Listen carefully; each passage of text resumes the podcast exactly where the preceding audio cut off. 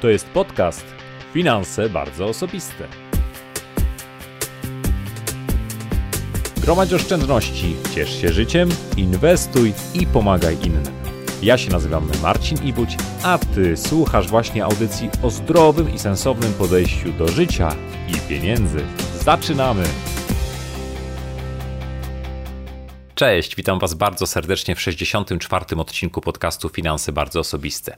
Dzisiaj porozmawiamy o świadomym inwestowaniu, a konkretniej o funduszach pieniężnych i gotówkowych.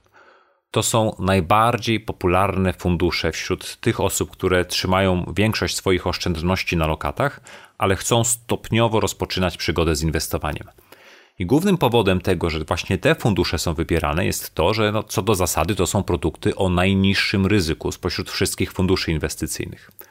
Motywacja inwestorów jest tutaj prosta. Gdy sięgają po taki fundusz, chcą mieć zysk nieco wyższy od lokaty bankowej, ale jednocześnie móc sobie spokojnie spać. Czy da się to jednak pogodzić? Hm. Okazuje się, że grupa funduszy pieniężnych i gotówkowych jest bardzo niejednorodna. Można w niej znaleźć fundusze po zainwestowaniu, w które możemy spać zupełnie spokojnie, ale są też takie, w których portfelach kryją się ryzyka, z których wielu inwestorów wpłacających tam pieniądze po prostu nie zdaje sobie sprawy. Dzisiaj wspólnie z moim gościem postaramy się Wam podpowiedzieć, jak analizować, jak krok po kroku takie fundusze prześwietlić, żeby dokonać świadomego wyboru. To jest bardzo ważne, bo to właśnie w tych funduszach, funduszach z tej grupy ulokowanych jest mnóstwo pieniędzy Polaków. Dowiecie się również o trwającej takiej mini rewolucji w zmianach nazw funduszy i co ze zmiany tych nazw dla nas wynika. A moim gościem jest Paweł Mizerski, dyrektor Departamentu Zarządzania Aktywami, wiceprezes zarządu i główny ekonomista grupy AXA w Polsce. Odpowiada on obecnie za wyniki wszystkich funduszy inwestycyjnych AXA TFI i jest też laureatem wielu konkursów i plebiscytów, w tym dla najlepszego ekonomisty w Polsce organizowanego przez Narodowy Bank Polski. Zanim jednak y, przejdziemy do tematu tego naszego podcastu, pozwólcie, że zacznę od krótkiego wyjaśnienia, a dla części z Was od przypomnienia genezy tej dzisiejszej publikacji. Otóż kilka miesięcy temu otrzymałem komercyjną propozycję, żeby napisać artykuł o IGZE w AXA TFI, czyli o indywidualnym koncie zabezpieczenia emerytalnego, w ramach którego można obecnie inwestować w 16 funduszy z oferty AXA. Przejrzałem tę ofertę, no i jedną z kluczowych zalet tego produktu jest znaczące obniżenie opłat za zarządzanie przeciętnie o 50%. Ponieważ wpływ takich opłat na osiągane wyniki inwestycyjne jest w długim terminie ogromny, pomyślałem, że taka współpraca jak najbardziej może być całkiem ciekawym pomysłem. Ale nie chciałem pisać artykułu o zaletach samego IGZE czy o możliwości obniżenia swojego podatku dochodowego, bo o tym możecie przeczytać w innych miejscach na blogu, przykład w artykule Oszczędzanie na podatkach dzięki IKE oraz IGZE, tylko zgodnie z moją misją postanowiłem wykorzystać tę współpracę do szerzenia edukacji finansowej i w tym konkretnym przypadku na temat funduszy inwestycyjnych. Ja sam zrozumiałem działanie funduszy praktycznie dopiero po przepracowaniu 6 lat w NN Investment Partners w TFI, wtedy jeszcze noszącym nazwę ING TFI.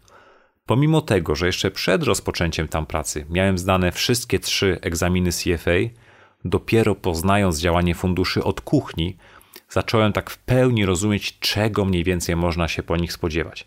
Zacząłem rozumieć, jak ważne są niskie opłaty, jak ważna jest realizowana strategia zarządzania tym funduszem, jak ważna jest analiza składu portfela danego funduszu i co może się dziać z jego wynikami, jeśli wystąpi taka czy inna sytuacja na rynku.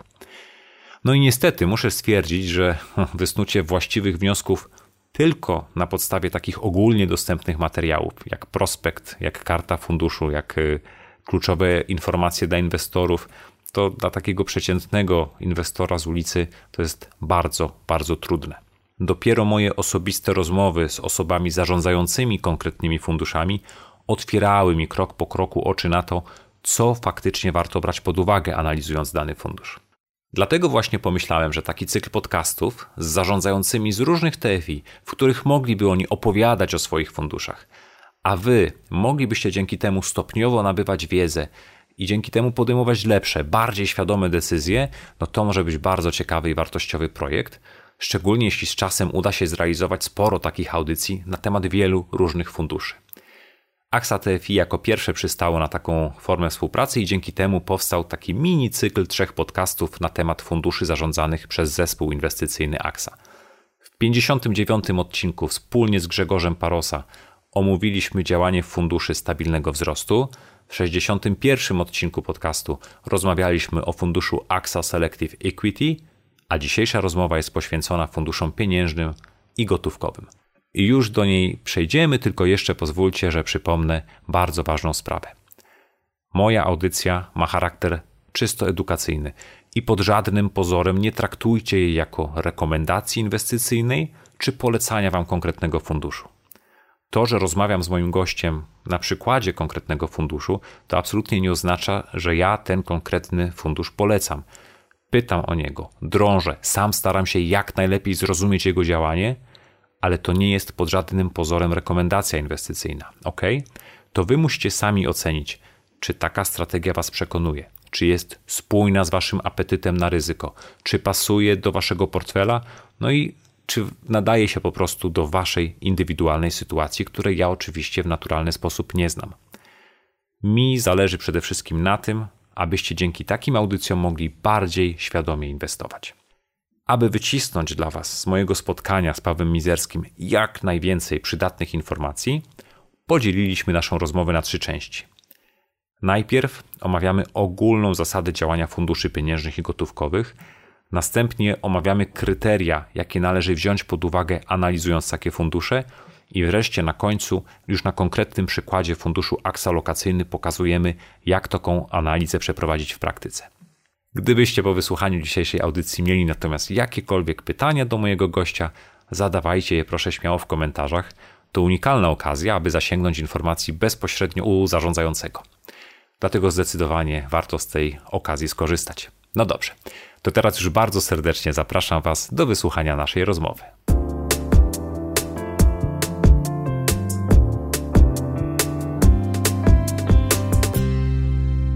Cześć Paweł. Cześć Marcin. We wstępie do dzisiejszego odcinka podcastu dość obszernie się przedstawiłem i to wcale nie było proste, bo ta twoja notka biograficzna jest naszpikowana różnymi tytułami i osiągnięciami. No ale i tak chciałbym Cię jeszcze poprosić, żebyś dał się bliżej poznać naszym słuchaczom. Dlatego powiedz, jak to się stało, że zostałeś zarządzającym. No już ponad 10 lat temu, jeszcze jako student, y, zdecydowałem się odpowiedzieć na ogłoszenie, które znalazłem na uczelni. Nawet nie wiedziałem wtedy, że ono się wiąże z tym, że zostanę kiedyś za, zarządzającym aktywami.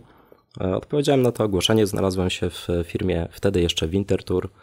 E, zajmowałem się środkami własnymi, za zarządzaniem środkami własnymi e, spółek ubezpieczeniowych tej grupy w Polsce. Ta grupa została przejęta przez AXA. AXA postanowiła w pewnym momencie stworzyć w Polsce TFI i jakoś tak naturalnie w tym TFI się znalazłem jako odpowiedzialny za, za strategię dłużne. Czyli to nie było tak, że od początku studiów wiedziałeś, że chcesz tylko i wyłącznie zarządzać funduszami. Trochę taki, nie wiem, no przypadek to może złe słowo, ale jak, jak, jak to wszystko się potoczyło? Tak, to, to nie jest raczej taka historia, że już w przedszkolu wiedziałem, że chcę być zarządzającym. Natomiast bardzo interesowała mnie zawsze e, makroekonomia, analiza danych. To mi pasowało. E, po pewnym czasie uznałem właśnie, że mm, no też musiałem dokonać tego wyboru, czy to jest e, część dłużna, czy akcyjna większość osób, która się znajduje na początku swojej drogi, jednak może o tym, żeby wybrać tą część akcyjną. Ja postawiłem na tą część dłużną. Która wbrew pozorom jest trudniejsza i bardziej też powiązana pewnie z tym, co się dzieje w gospodarkach. Jest ciekawa na pewno z Aha. mojej perspektywy i to jest chyba najważniejsze. No właśnie, bo poza tym, że jesteś zarządzającym, poza tym, że jesteś też wiceprezesem AXY TFI, ale pełnisz też funkcję głównego ekonomisty grupy AXA w Polsce. Na czym polega funkcja głównego ekonomisty? E, wiesz, to jest taka funkcja reprezentacyjna. W naszej grupie nie ma osobnego działu analiz ekonomicznych, tak jak e, ma to miejsce w bankach. W moim przypadku wiąże się to głównie z tym, że pozwala mi być może trochę mocniej niż z pozycji zarządzającego funduszami dłużnymi opowiadać o tym, co się dzieje w gospodarce, ponieważ też tworzymy własne prognozy. Jakiś czas temu zdecydowaliśmy się brać e, udział w konkursach. E, głównie dlatego, żeby też się sprawdzić, bo e, oczywiście jak zarządzasz funduszami, budujesz jakieś swoje e, prognozy, scenariusze na to, co się stanie. Mhm. No i stwierdziliśmy, że w zasadzie to czemu by nie sprawdzić się z prognozami innych? Jeśli uznamy, że, że te prognozy są lepsze, no to to znaczy, że warto stawiać na swoje własne, a jeśli uznamy, że nie są, no to wtedy będziemy korzystać z tych, które będziemy uznawać za, za cenne. No okazało się, że w niektórych przypadkach one są lepsze, w niektórych są gorsze. No i tak to trochę zostało, to znaczy te, które są lepsze dalej wykorzystujemy jako, jako nasze wewnętrzne know-how i naszą wewnętrzną przewagę. Właśnie o, ogromne wyzwanie związane z inwestowaniem polega na tym, że inwestując dziś, inwestujemy niejako w przyszłość, zakładając jakiś tam scenariusz rozwoju wypadków, a nie ma co kryć, nikt z nas nie ma tej szklanej kuli i nie jest w stanie przyszłości przewidzieć. Tak jak mawiał Niels przewidywanie jest sztuką trudną, szczególnie jeśli chodzi o, o przyszłość. Więc pomyślałem sobie, że może to jest dobra okazja, żebyś tak powiedział w paru słowach, jaki jest cel robienia tych prognoz, bo niektórzy mogą sobie myśleć, że to jest, wiesz, prognozujesz, jesteś pewny, już wszystko idzie w tym jednym kierunku. Jak wykorzystuje się takie prognozy w praktyce?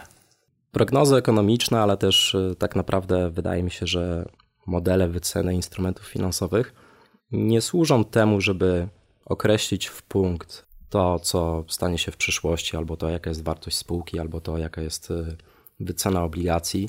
One bardziej pokazują nam, w którą stronę idzie gospodarka, w którą stronę idzie świat, gdzie się mylimy, gdzie te nasze prognozy są właściwe.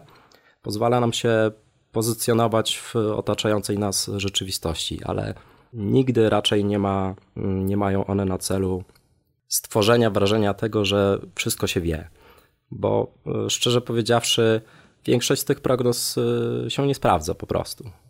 No właśnie, to świętej pamięci redaktor Tadeusz Łosz z Radia Tok FM często powtarzał taką anegdotę, że wpływ ekonomistów na gospodarkę jest taki jak meteorologów na pogodę. No, ostatnio te prognozy pogody są nawet całkiem dobre. Pewnie, pewnie lepsze niż, e, niż prognozy tego, co się, co się stanie w gospodarce. Wynika to głównie z tego, że no, świat jest bardzo złożony. Jest wiele czynników, które, e, które wpływają na to, co się dzieje na świecie i nie zawsze ten wpływ jest jednakowy w czasie. To oczywiście y, powoduje wrażenie takiego chaosu, natomiast z drugiej strony, już tak biorąc jakiś konkretny przykład, prognozujemy inflację.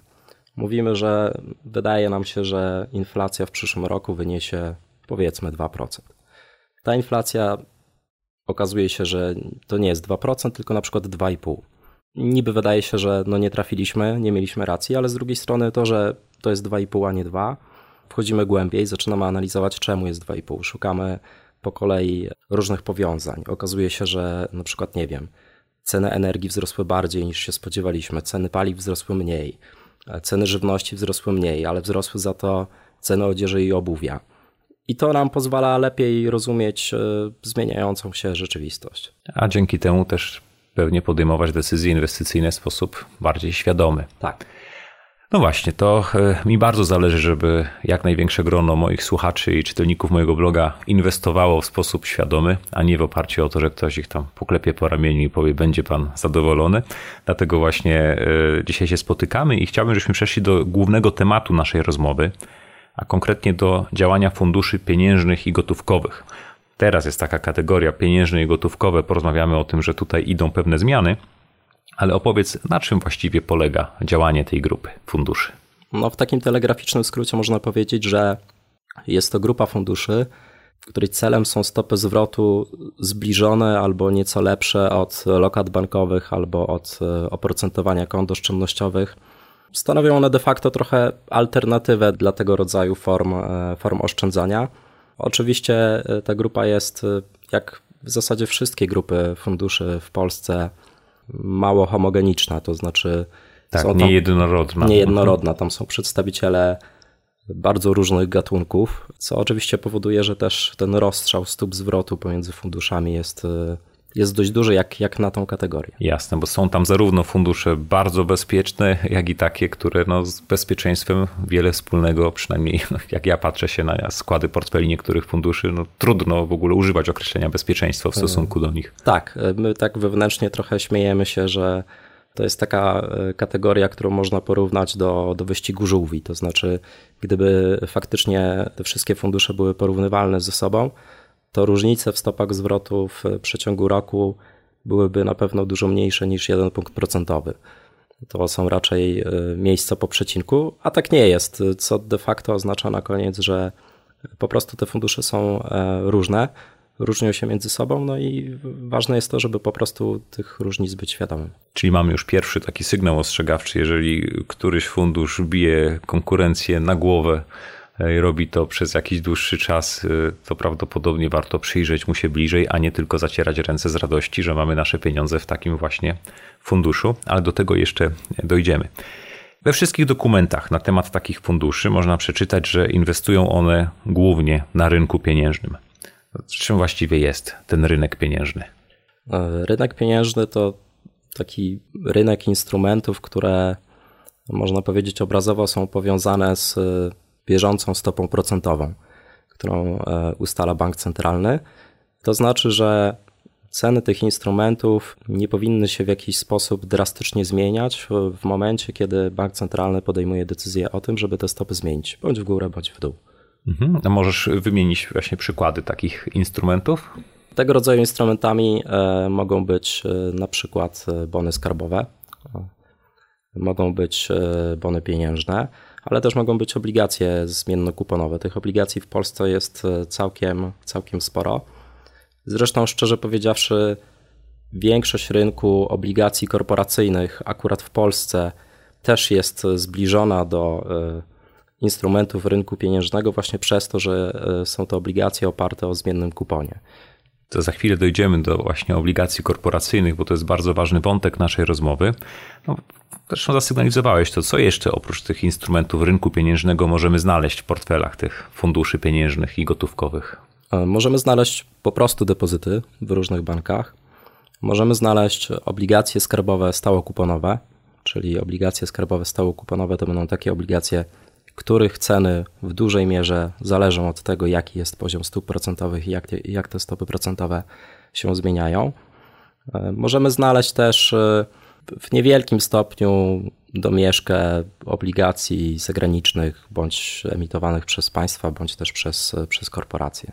To są chyba główne klasy instrumentów e, finansowych, które można znaleźć w polskich funduszach, tak zwanych funduszach gotówkowych i pieniężnych.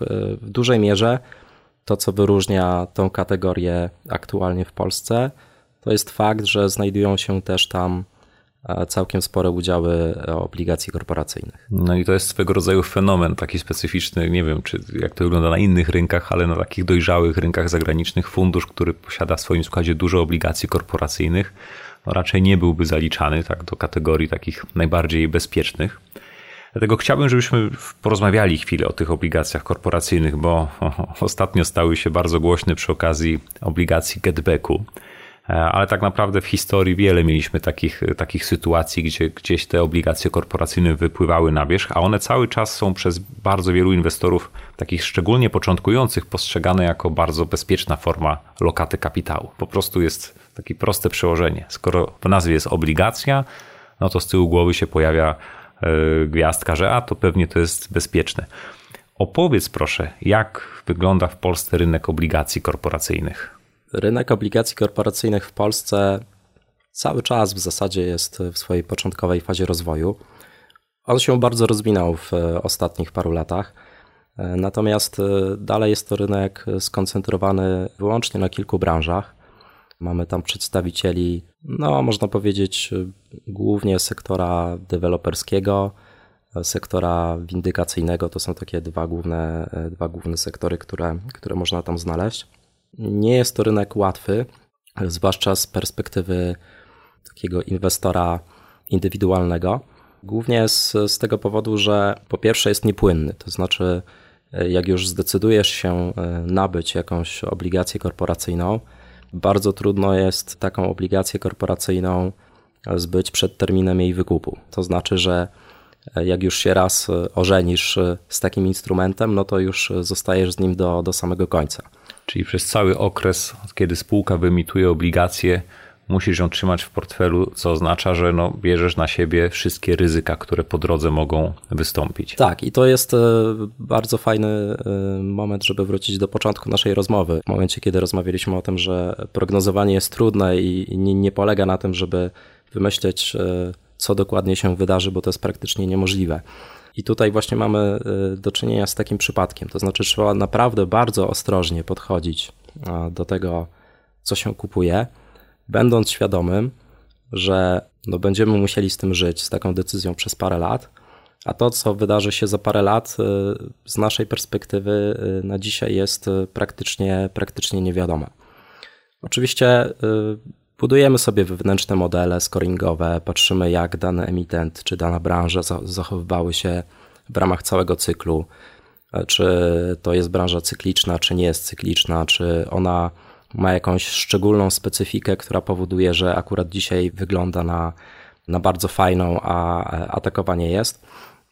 No i oczywiście, y, jeśli na to wszystko nałożymy fakt, że nie mamy tam e, reprezentantów wszystkich branż, tylko niektórych, e, to powoduje, że nawet z punktu widzenia inwestorów instytucjonalnych istnieje bardzo duży problem w tym, żeby sobie zbudować taki porządnie zdywersyfikowany portfel obligacji korporacyjnych, bo nie ma co ukrywać, że obligacja korporacyjna płaci więcej niż obligacja skarbowa, płaci więcej niż e, depozyt bankowy, ale płaci za coś, płaci za ryzyko kredytowe. I to, że od czasu do czasu e, zdarza się bankructwo albo niewypłacalność, nie jest niczym szczególnym. To jest raczej normalna sytuacja. Jeśli spojrzysz sobie na, e, na takie fundusze zachodnie, czy to z Europy Zachodniej, czy, czy ze Stanów, to obligacji korporacyjnych w jednym portfelu potrafi być no, grubo powyżej tysiąca. Dokładnie, czyli ten portfel jest bardzo e, rozproszony i tak jak mówisz, z definicji zakłada się, że jakaś liczba tych spółek zbankrutuje, bo pamiętam też takie e, analizy e, na temat możliwych stóp zwrotu z funduszy obligacji korporacyjnych czy funduszy typu high yield, to tam zawsze wychodziło się od poziomu kuponu, czyli oprocentowania obligacji, później było minus zakładana na portfelu stopa defaultów, czyli tego, że ileś tych firm zbankrutuje, dopiero później inne oczekiwania. A osoba indywidualna, która kupuje pojedynczą obligację, pakując to dużą część swoich oszczędności, no tak naprawdę zupełnie tego ryzyka nie rozprasza, prawda? Nie bierze go pod uwagę. Dokładnie tak. Ja oczywiście nie jestem przeciwnikiem nabywania przez osoby indywidualne obligacji korporacyjnych, pod warunkiem, że stanowią one niewielką część e, portfela. To znaczy, jeden emitent nie powinien stanowić dużej części, e, czy inwestycja w obligacje korporacyjne jednego emitenta nie powinna stanowić dużej części naszych oszczędności. Mówiąc krótko, powinniśmy brać pod uwagę to, że taka spółka może zbankrutować, no i wtedy będzie po prostu na tej części naszej inwestycji strata. Tak. Właśnie, a powiedz, co się dzieje, jak taka spółka bankrutuje? Zwykle jest tak, że oczywiście już e, wcześniej wiadomo, że z e, danym emitentem dzieje się coś nie tak, bądź dlatego, że sytuacja w gospodarce jest bardzo słaba, bądź dlatego, że sytuacja branży jest bardzo słaba, tak jak zresztą w swoim czasie było w Polsce z branżą budowlaną, bądź też dlatego, że jeśli to jest e, emitent, który e, na przykład kwartalnie publikuje wyniki finansowe, no okazuje się, że te wyniki są słabe i już widać, że nie będzie w stanie obsługiwać e, swoich, swoich zobowiązań. No oczywiście większość emitentów podejmuje zawczasy próby ułożenia się z, z wierzycielami albo, albo zaproponowania rozłożenia y, spłaty na raty. Zwykle pokazuje jakiś program naprawczy. No a jeśli sytuacja jest już tak podbramkowa, że wierzyciele uznają, że no, program naprawczy nie jest do zaakceptowania, albo że zaproponowany harmonogram spłat jest mało prawdopodobny, y, to dochodzi do, y, do upadłości. No i wtedy w zasadzie wszyscy siadają do stołu i patrzą, co z, co z, danej, e, co z danego emitenta jeszcze zostało. Oczywiście trzeba mieć też świadomość, że posiadacze obligacji nie mają pierwszeństwa w zaspokojaniu swoich e, roszczeń w stosunku, w stosunku do emitenta, więc e, w praktyce na koniec okazuje się, że no jest to jakiś nie, niewielki procent majątku, który, który po danej spółce zostaje. Mhm. 10-20%? Jak to wygląda w przypadku tych bankrut, z którymi gdzieś jest, mieliśmy do czynienia? E, to jest, to jest tak naprawdę różnie. Znaczy, to, to trudno naprawdę ocenić. Wydaje mi się, że zwłaszcza w przypadku inwestorów instytucjonalnych, jeśli tylko widzą oni sens e, istnienia danego biznesu dalej, to pewnie większość woli, żeby ten biznes dalej istniał, no bo jednak lepiej rozłożyć sobie na raty nawet na, na najbliższe parę lat spłatę jednak całości naszej wierzytelności, niż dzisiaj odzyskać, tak jak powiedziałeś, 10, 10 czy, czy 20%. Myślę, że jednak E, na więcej nie ma co oczekiwać. Czyli możemy pokusić się o stworzenie takiej ogólnej reguły inwestowania w obligacje korporacyjne dla klientów indywidualnych, że jeżeli już robisz to samodzielnie, to zadbaj o to, żeby było tam odpowiednio niewielka część Twojego majątku. No i w miarę możliwości warto tam stworzyć sobie portfel, czyli mieć po prostu możliwie dużą liczbę emitentów, tak zapala mi się też lampka, no bo to zależy też oczywiście na tę jakość emitentów, trzeba też zwracać uwagę. Bo powiedziałeś o tym, że niektóre obligacje są oprocentowane bardzo atrakcyjnie. Mówię o obligacjach korporacyjnych. Tylko z czym to wysokie oprocentowanie zwykle się wiąże? No to wysokie oprocentowanie zwykle wiąże się z wysokim ryzykiem kredytowym. Tutaj w zasadzie zasada jest dość prosta i, i każdy może sobie dokonać takiej wstępnej oceny. Oczywiście nie, nie można generalizować. To nie jest tak, że ta zasada sprawdza się w 100% przypadków. Niemniej jednak no mamy jakiś poziom stóp procentowych. Do tego poziomu stóp procentowych, który dzisiaj jest, y, z tego poziomu stóp procentowych wynikają stopy na rynku pieniężnym. Na przykład 6-miesięczny WIBOR albo 3-miesięczny WIBOR, na którym jest oparty kupon takiej obligacji korporacyjnej. Ten 3 czy 6-miesięczny WIBOR zwykle jest y, wyższy o kilkanaście e, punktów bazowych od takiej stopy referencyjnej, którą ustala e, Rada Polityki Pieniężnej. Tak, myślę, że wybory wielu naszych słuchaczy zna chociażby z racji posiadania kredytów hipotecznych, które swoją drogą też są często podobnie oprocentowane jak obligacje korporacyjne, czyli WIBOR plus Właśnie, dokład, do, dokładnie tak jest. WIBOR plus marża. I dochodzimy do, e, do sedna sprawy, czyli do marży. Można założyć, że im wyższa marża, tym większe prawdopodobieństwo tego, że dany emitent może mieć w przyszłości problemy. Teraz e, taki poziom kuponu, jeśli on jest e, dużo wyższy niż, niż WIBOR, to oczywiście inwestycja wydaje się atrakcyjna, no niemniej jednak należy uznać, że jest ona po prostu dużo bardziej ryzykowna i nikt po niższej cenie nie chce danemu emitentowi albo udzielić kredytu, albo pożyczki, albo właśnie nabyć obligacji. A czy bylibyśmy w stanie pokusić się, czy ty byłbyś w stanie pokusić się o jakieś takie przedziały, typu nie wiem, do jakiego poziomu tej marży ponad WIBOR przy oprocentowaniu obligacji można powiedzieć, że tak patrząc tylko na ten jeden składnik, że to jest emitent ok, gdzie byłby ten przedział takich średnich firm, a gdzie zaczynają się już takie oprocentowania, które powinny nam zapalać natychmiast czerwoną lampkę? To jest e, oczywiście trudne, bo e, tak jak powiedzieliśmy sobie, każdy poziom marży wiąże się z jakimś prawdopodobieństwem bankructwa. Ono się zdarza tylko rzadziej niż w tych przypadkach, gdzie, gdzie to oprocentowanie jest wyższe. To jest trochę tak, że e, tutaj należałoby do tego podchodzić bardzo indywidualnie. Ja osobiście uważam, że na dzisiaj, bo to, to jest też trochę tak, że mm, ten poziom marsz on nie jest stały w czasie. Tak jest, zmienia się również w zależności od cyklu gospodarczego, od dostępności pieniądza. To, dokładnie. Dzisiaj mamy akurat taką sytuację na rynkach, gdzie tego pieniądza jest bardzo dużo, bo główne banki centralne świata zalały e, rynki pieniądzem i e, to oprocentowanie jest bardzo niskie. E, mogą być takie sytuacje, w którym na rynku brakuje płynności, wtedy nawet dobry emitent jest w stanie zapłacić bardzo dużo. No dzisiaj pewnie można powiedzieć, że taki emitent, który może nie ma ratingu nadanego przez agencję ratingową na poziomie inwestycyjnym, ale gdyby miał taki rating, to mógłby, e, można by było powiedzieć, że, że ma on rating inwestycyjny, czyli taki kolokwialnie można powiedzieć bezpieczny z punktu widzenia e, inwestowania, to pewnie płaci do 100 punktów bazowych, czyli jeden punkt procentowy powyżej, powyżej.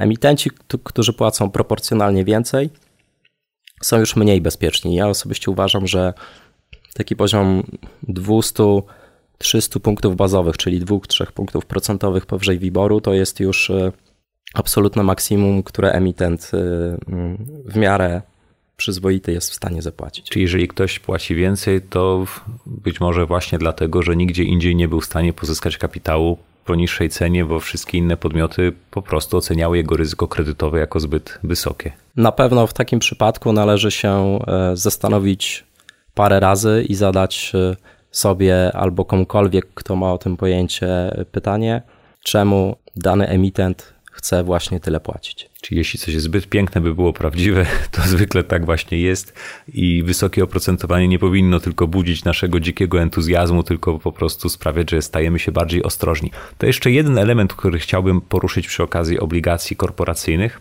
a mianowicie to, że wiele z nich, gdy trafiają do portfeli funduszy pieniężnych i gotówkowych, jest wycenianych w sposób liniowy, a nie sposób rynkowy.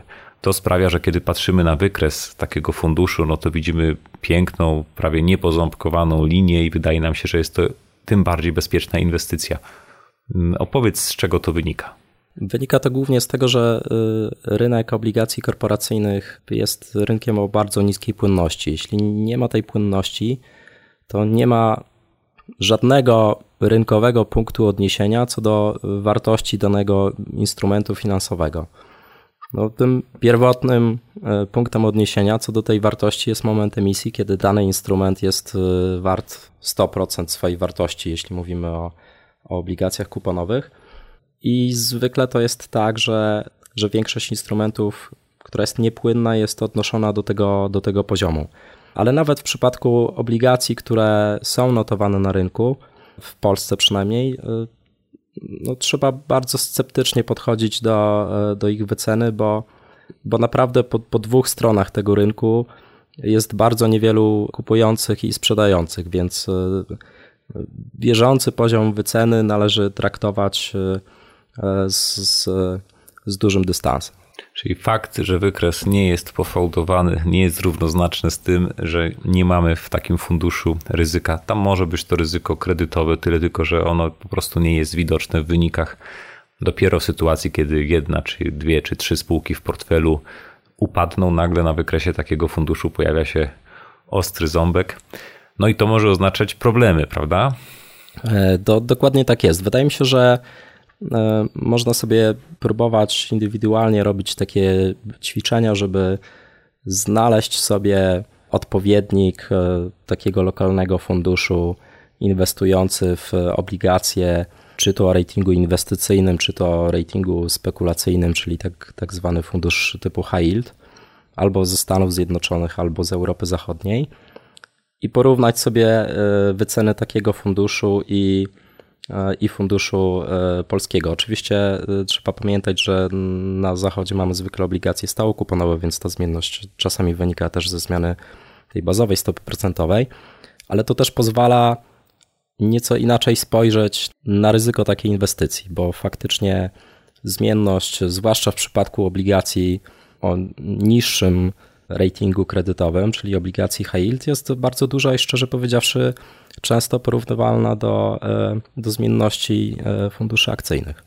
I fakt, że taka zmienność występuje, no nie powinien nas dziwić, nie jest też niczym złym, po prostu to, to jest dużo zdecydowanie bardziej realna e, wycena tych aktywów, które znajdują się w takich funduszach. Zmienność jest tak naprawdę normalnym zjawiskiem rynkowym i z drugiej strony też nie, nie należy się jej bać, bo jeśli ta zmienność faktycznie występuje, to znaczy, że jeśli ona występuje oczywiście z dużą częstotliwością, a nie tak jak wspomniałeś o tym, że mamy sytuację, w której coś nam rośnie, rośnie tak jak od linijki, nagle spada i mamy taki poząbkowany wykres raz na kilka lat. Jeśli ta zmienność jest, jest widoczna na wykresie w takim cyklu dziennym, to jest też dobra informacja, bo to znaczy, że e, na danym rynku występuje płynność, a płynność zwykle jest krytyczna, bo e, ona pozwala wycofywać się z y, nietrafionych decyzji inwestycyjnych, a nietrafione decyzje inwestycyjne są czymś normalnym.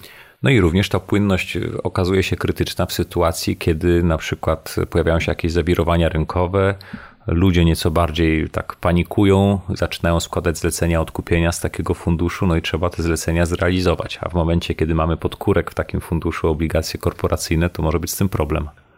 Tak, zwłaszcza, że tak jak y, wspomniałem wcześniej, E, naprawdę trudno znaleźć e, drugą stronę na tym rynku i to niezależnie od tego, czy mówimy o kupującym, czy o sprzedającym.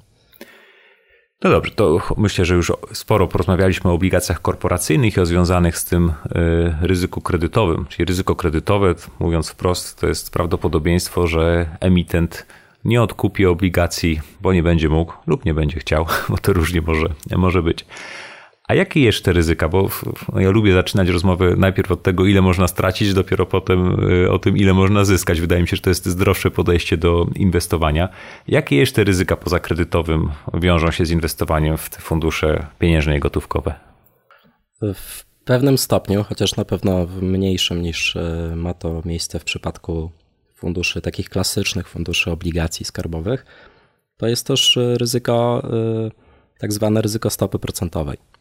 Tak jak powiedzieliśmy, te fundusze inwestują też w obligacje skarbowe stałokuponowe, a obligacje skarbowe stałokuponowe, y, ich ceny zależą w dużym stopniu od tego, jaki jest bieżący poziom stóp procentowych i jak ten poziom stóp procentowych będzie wyglądał w przyszłości, albo jaka jest ocena, jak, jak rynek ocenia kierunek zmian stóp procentowych w przyszłości. Mówiąc w skrócie, jeśli e, inwestorzy uważają, że stopy procentowe wzrosną, ceny obligacji spadają. Jeśli e, inwestorzy uważają, że stopy procentowe spadną, ceny obligacji rosną, czyli zależność jest odwrotnie proporcjonalna. E, to znaczy, że jeśli rynek uważa, że Rada Polityki Pieniężnej, już mówiąc tutaj konkretnie w Polsce, obniży stopy procentowe, wtedy inwestycja w obligacje stałokuponowe jest, jest opłacalna. Natomiast jeśli stopy procentowe rosną, no to te obligacje mogą, e, wyceny tych obligacji mogą, e, mogą spadać. Oczywiście w przypadku funduszy, tak zwanych funduszy gotówkowych i pieniężnych, ta wrażliwość na zmiany stóp procentowych jest e, nieporównywalnie mniejsza niż w przypadku funduszy obligacji skarbowych. W tym momencie pewnie dochodzimy do tego, że warto by było wspomnieć o, o takim pojęciu, które trudno się zwykle na język polski tłumaczy, i raczej wszyscy posługują się jego angielską nazwą, czyli duration. E, duration to jest właśnie wrażliwość e, obligacji na, na zmiany stóp procentowych. No i właśnie ten wskaźnik, im wyższy, tym ta wrażliwość jest większa, czyli ty, tym bardziej ceny obligacji reagują na, e, na zmiany stóp procentowych. Może tak, żeby podać przykład w dużym uproszczeniu, bo znów to, to nie jest dokładna definicja duration. Jeżeli stopy procentowe wzrosną na przykład o 2%, a mamy portfel z duration 2, to można wtedy założyć, że e, wartość naszego portfela spadnie o 4 punkty procentowe. Tak? Jeżeli to było duration 1, to by spadła o tyle, o ile wzrosły stopy procentowe. Jeżeli duration 3, to 3 razy mocniej. Czyli to jest taka trochę miara wrażliwości portfela na ruch na stopach procentowych. Tak, i w przypadku tych funduszy gotówkowych i pieniężnych ta wrażliwość zwykle znajduje się w przedziale pomiędzy 0 a 1 czyli reagują one mniej na zmiany stóp procentowych, no ale niemniej jednak reagują. I e, część e, funduszy e, wykorzystuje właśnie aktywne poruszanie się w tym przedziale od 0 do 1, żeby budować sobie jakąś ekspozycję na, na scenariusz makroekonomiczny, w który, w który wierzymy i no, jeśli on się realizuje, no to generować dodatkowe stopy zwrotu. No dobrze, to omówiliśmy sobie ryzyka, od tego zaczęliśmy, no to teraz warto przejść do rozmowy o zyskach. Jakich wyników inwestycyjnych można tak racjonalnie oczekiwać od tego typu funduszy? Co na nie wpływa i co, co decyduje o wysokości takiego wyniku? E, trochę już o tym też pokrótce powiedzieliśmy, to znaczy, mówiąc tak ogólnie, wynik e, funduszy, tak zwanych funduszy gotówkowych i pieniężnych, powinien być zwykle zbliżony do albo nieco wyższy niż e, poziom e, bieżących stóp procentowych czy stopy referencyjnej banku centralnego. Ten poziom e, dzisiaj wynosi 1,5%, czyli pewnie można założyć, że stopa zwrotu z takiego funduszu powinna znaleźć się gdzieś w przedziale 1,5 a 2%. Czasami jest to trochę więcej, czasami jest to trochę mniej. To trochę to zwykle jest jakieś miejsce po przecinku, jeśli chodzi o punkt procentowy, czyli 1,2 punkta procentowego więcej czy mniej. W takim przedziale powinny poruszać się fundusze z tej kategorii. Jeśli ta stopa jest drastycznie mniejsza albo drastycznie większa, to znaczy, że te fundusze inwestują w, w coś, co zmienia profil e, danego funduszu. No i warto wtedy sięgnąć po dokumenty, po sprawozdania finansowe, żeby, e, żeby zorientować się o co chodzi. Bo to oczywiście nie świadczy o tym, że dany fundusz jest zły, tylko świadczy raczej o tym, że reprezentuje on być może inną kategorię niż, e, niż faktycznie ta kategoria, w której, w której się znalazł. No i teraz jak sobie wyobrażam przeciętnego słuchacza, który patrzy, idzie do banku i widzi, że ma konto oszczędnościowe w promocji oprocentowane na 2,7%, a tutaj ma alternatywę fundusz pieniężny lub gotówkowy i może zarobi na nim 1,5, może 2%, jak będzie dobrze, to dlaczego miałby decydować się na tego typu rozwiązanie? Wydaje mi się, że to jest trochę tak, że y, jak patrzymy sobie na y, bieżące oprocentowanie lokat bankowych, to faktycznie z punktu widzenia oprocentowania lokat, tak zwanych lokat promocyjnych albo dla nowych środków, zwykle te lokaty biją oprocentowaniem stopy zwrotu z funduszy gotówkowych i pieniężnych. No ale też trzeba pamiętać o tym, że y, jeśli faktycznie chcemy cały czas mieć tak wysokie oprocentowanie, trzeba aktywnie podchodzić do Mm, już mówiąc kolokwialnie, przerzucania swoich środków z banku do banku, cały czas y, patrzenia na to, gdzie aktualnie to oprocentowanie jest najwyższe. Zwykle jest to trudne i szczerze powiedziawszy, tak z ręką na sercu podejrzewam, że większość osób y, po pewnym czasie y, zapomina o tym, co się, co się z danymi środkami dzieje, no, no i one sobie gdzieś tam leżą.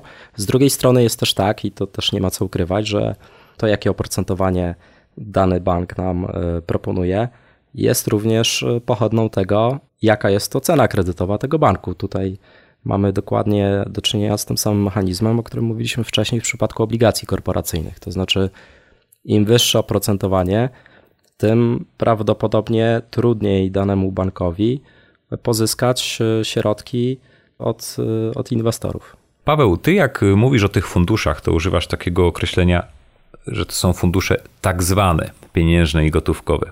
No i co więcej, już coraz wiele TFI w tej chwili zmienia nazwy swoich funduszy zaliczanych dotąd do tej kategorii.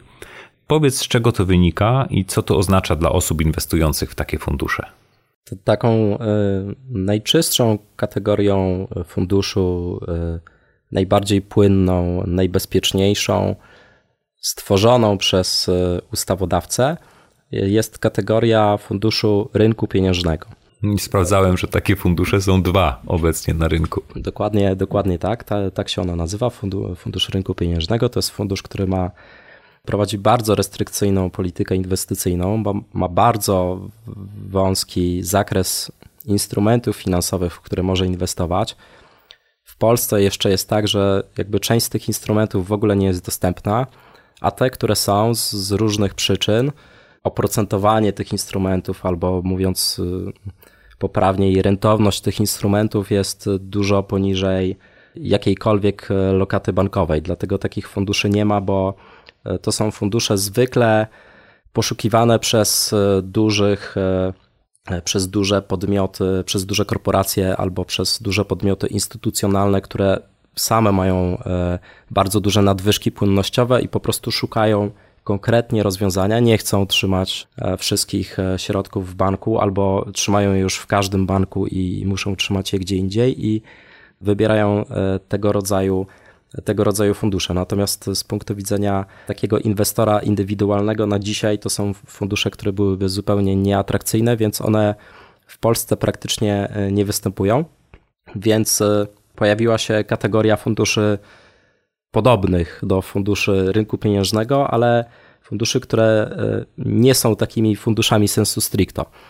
Te fundusze są w Polsce, czy występują pod kategorią funduszy gotówkowych i pieniężnych. No jak sama nazwa wskazuje, to już nie są fundusze rynku pieniężnego.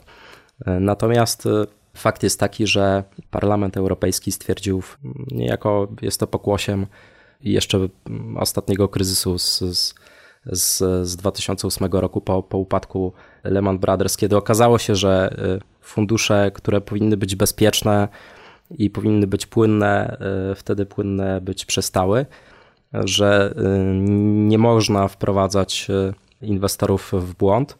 Jeszcze bardziej dokręcił śrubę funduszom rynku pieniężnego bardzo rygorystycznie określając katalog lokat, w które, w które mogą one inwestować e, swoje środki.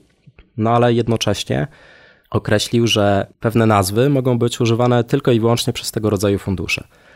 E, no i stąd mamy właśnie e, do czynienia w Polsce teraz z takim gremialnym zmienianiem nazw przez fundusze gotówkowe i pieniężne, bo tak. okazało się, że fundusze, które mają w nazwie depozytowy, gotówkowy, skarbowy, pieniężny. pieniężny, płynnościowy, lokacyjny, to są wszystko nazwy, które są zarezerwowane, czy powinny być zarezerwowane tylko i wyłącznie dla funduszy rynku pieniężnego, ponieważ e, w Polsce to nie są fundusze rynku pieniężnego, więc te fundusze muszą zmienić swoje nazwy, e, wymyślając jakieś podobne, aczkolwiek niezakazane przez, e, przez ustawodawcę, czy wprost niezakazane teraz przez Komisję Nadzoru Finansowego. Pojawiają się nazwy typu właśnie fundusz dochodowy, inne zmieniają nazwy na fundusze obligacji krótkoterminowych, bo też takie przykłady, przykłady widziałem. W waszym przypadku macie fundusz aksa lokacyjny. Czy tutaj również będziemy mieli do czynienia ze zmianą nazwy? E, tak, lokacyjny też znalazł się w, w gronie tych nazw e, zakazanych. Prawdopodobnie dokonamy zmiany nazwy, mamy na to czas. E, do 20 do, któregoś do 21 stycznia, stycznia.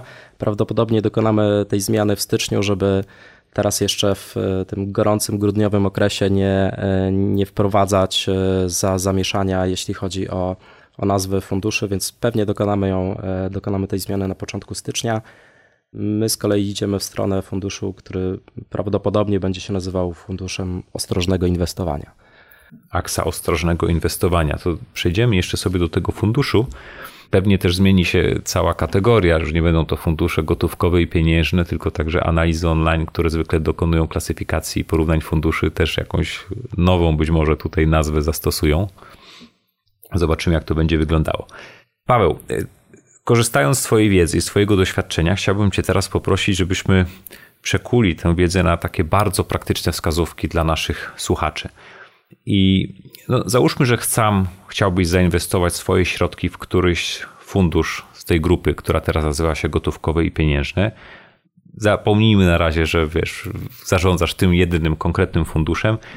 Jak krok po kroku zabrałbyś się za takie zadanie? Chodziłoby mi o to, żebyśmy stworzyli taki jakby algorytm dla słuchacza, dla inwestora, jak powinien analizować tego typu fundusze.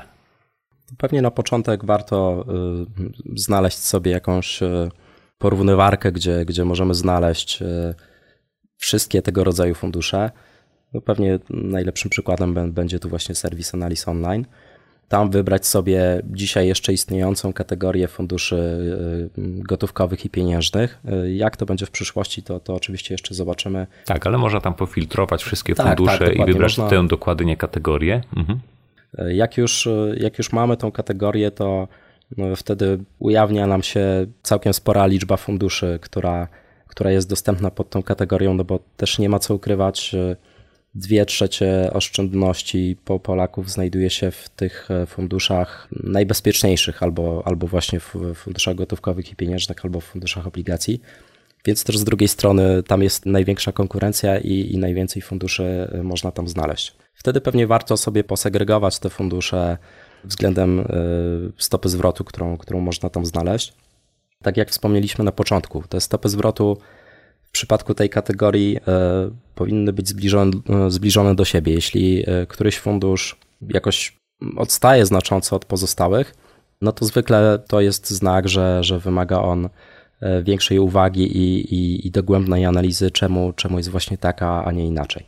A za jakie okresy wyniki badać i jak je interpretować? Ja jestem generalnie bardzo dużym przeciwnikiem dobierania funduszy po historycznych stopach zwrotu, bo mhm. to, mm, co prawdopodobnie możesz znaleźć w dokumentach każdego funduszu, to jest takie okrągłe zdanie, że historyczne wyniki nie, e, nie są gwarancją e, wyników na przyszłość i Bo jest to prawda. Są, tak jest. Natomiast e, w tym konkretnym przypadku nie, nie mówię o tym, żeby wybierać fundusze mhm. po najwyższych stopach zwrotu, tylko żeby je segregować po stopach zwrotu tylko i wyłącznie dlatego, żeby znaleźć te fundusze skrajne. To znaczy te fundusze skrajne, jeśli chcemy się nimi interesować, będą wymagać od nas pogłębionej analizy, bo to znaczy, że one tworzą dodatkową wartość albo jej nie tworzą, jeśli to są fundusze z samego dołu, jeśli chodzi o, o stopę zwrotu. prowadząc politykę inwestycyjną nieco od, odmienną od, od całej grupy. Czyli od, odnieść te wyniki po prostu do tego, jakie były stopy rynkowe i jak mniej więcej wygląda taka tak, przeciętna stopa zwrotu z tej grupy funduszy? Wydaje mi się, że tak. No i to, to jest oczywiście też bardzo łatwe do sprawdzenia. Jeśli widzimy, że nie wiem, stopy procentowe w Polsce od roku są na poziomie 1,5%, no to y, należałoby zakładać, że taki porządny fundusz z tej kategorii powinien e, no mniej więcej tyle, tyle zarobić. Jeśli zarabia dwa razy więcej albo dwa razy mniej, no to, to wtedy warto się pewnie, e, pewnie pochylić głębiej nad tym, czemu, e, czemu dokładnie tak jest. A jeśli to jest dwa razy mniej, to pewnie od razu taki fundusz gdzieś tam sobie kasujemy, tak, z naszych... No właśnie, ja bym też jakby tak do tego nie podchodził, bo, bo naprawdę jakby głęboko wierzę, że nie ma większego sensu podejmowanie decyzji na przyszłość na podstawie y, historycznych wyników, co jest trudne, bo jednak większość osób tak robi. Natomiast ja generalnie zwykle to odradzam. Oczywiście, jeśli jakiś fundusz ma ekstremalnie niskie e, stopy zwrotu, no to jakby nie świadczy dobrze o ekstremalnie niskie w porównaniu z konkurencją, oczywiście. To, to, to pewnie nie świadczy dobrze o prowadzonej polityce inwestycyjnej. Natomiast też jakby z drugiej strony to nie jest tak, że jak jakiś fundusz ma te wyniki ekstremalnie dobre, to, to tak musi być w przyszłości. No właśnie, bardzo wiele osób, nawet jeśli już wejdzie na te analizy online, nawet jeśli popatrzy na te fundusze, na tę konkretnie grupę i sobie je tam pofiltruje, poselekcjonuje, to zwykle właśnie w tym momencie się zatrzymuje, tak? Czyli wybiera na przykład fundusze z najlepszymi wynikami. Ty mówisz, nie, nie, nie, to, to jest tylko punkt wyjścia, to jest początek. Co powinniśmy robić dalej? Wydaje mi się, że w przypadku tej najbezpieczniejszej kategorii funduszy, czyli funduszy, które mają bardzo podobne wyniki albo powinny mieć bardzo podobne wyniki, prowadząc podobną politykę inwestycyjną, najbardziej istotnym elementem, jeśli chodzi o oceny, e, są opłaty. Bo nie ma co ukrywać, e, opłaty e, w funduszu to jest ta rzecz, która na pewno w przyszłości e, będzie miała wpływ na wynik. O ile historyczne wyniki być może się powtórzą, być może nie, no to z całą pewnością wiemy, ile będziemy musieli zapłacić za zarządzanie, albo przynajmniej za zarządzanie danemu TFI. Im niższe opłaty, tym większa szansa, że e, ta wypracowana stopa zwrotu e, będzie lepsza przy tym samym ryzyku, czyli z perspektywy takiego inwestora w tej kategorii funduszu, który jak mniemam, poszukuje bezpieczeństwa, to powinna być jedna z e, najbardziej istotnych, jeden z najbardziej istotnych elementów.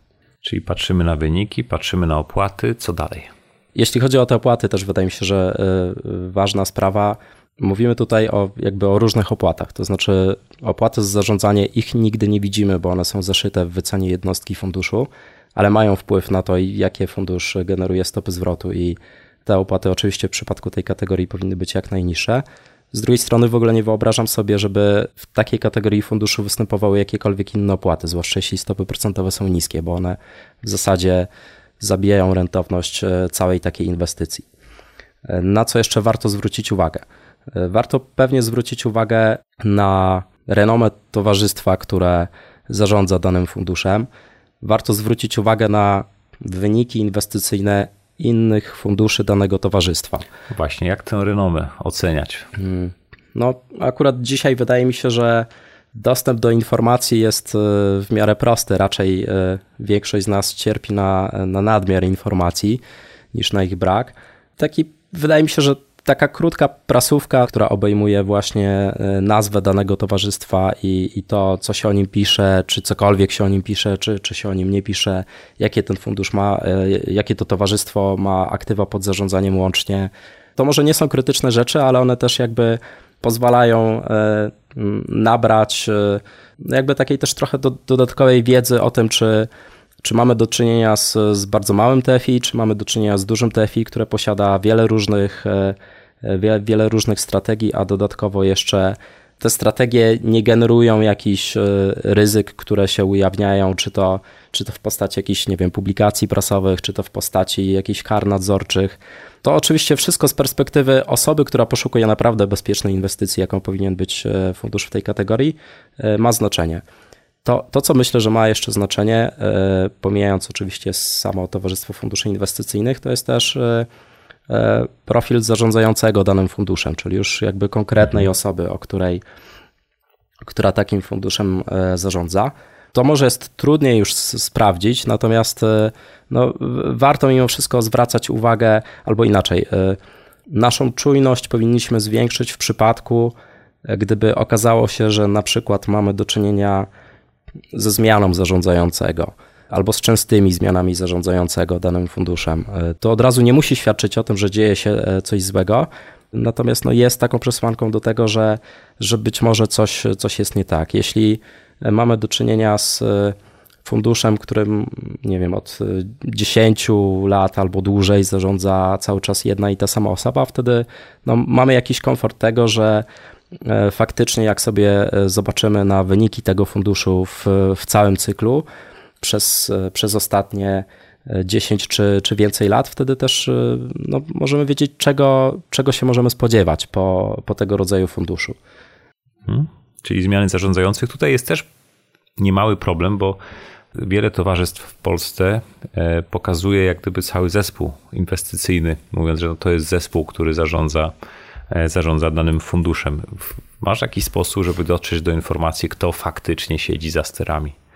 Wydaje mi się, że może to nie jest akurat problem tej kategorii. To jest często problem autorskich funduszy, takich bardziej agresywnych, w których faktycznie jest tak, że dana osoba ma gigantyczny wpływ na, na wyniki i na politykę inwestycyjną, jaki, e, jaki prowadzi e, dany fundusz. W przypadku funduszy rynku pieniężnego wydaje mi się, że tutaj czasami wystarczy nawet informacja o, o zmianach w samym zespole, no bo jeśli, e, bo jeśli ten zespół jest stabilny, zmiany są rzadkie, no bo zawsze mogą jakieś być, no to wtedy mamy ten komfort, że, że faktycznie w danym podmiocie no nic wielkiego się nie dzieje, a Mm, a jak wiemy, nie od dziś e, pieniądze lubią ciszę i spokój, więc e, też jest na pewno lepiej, jak e, cały czas ten sam stabilny skład zarządza naszymi, naszymi środkami.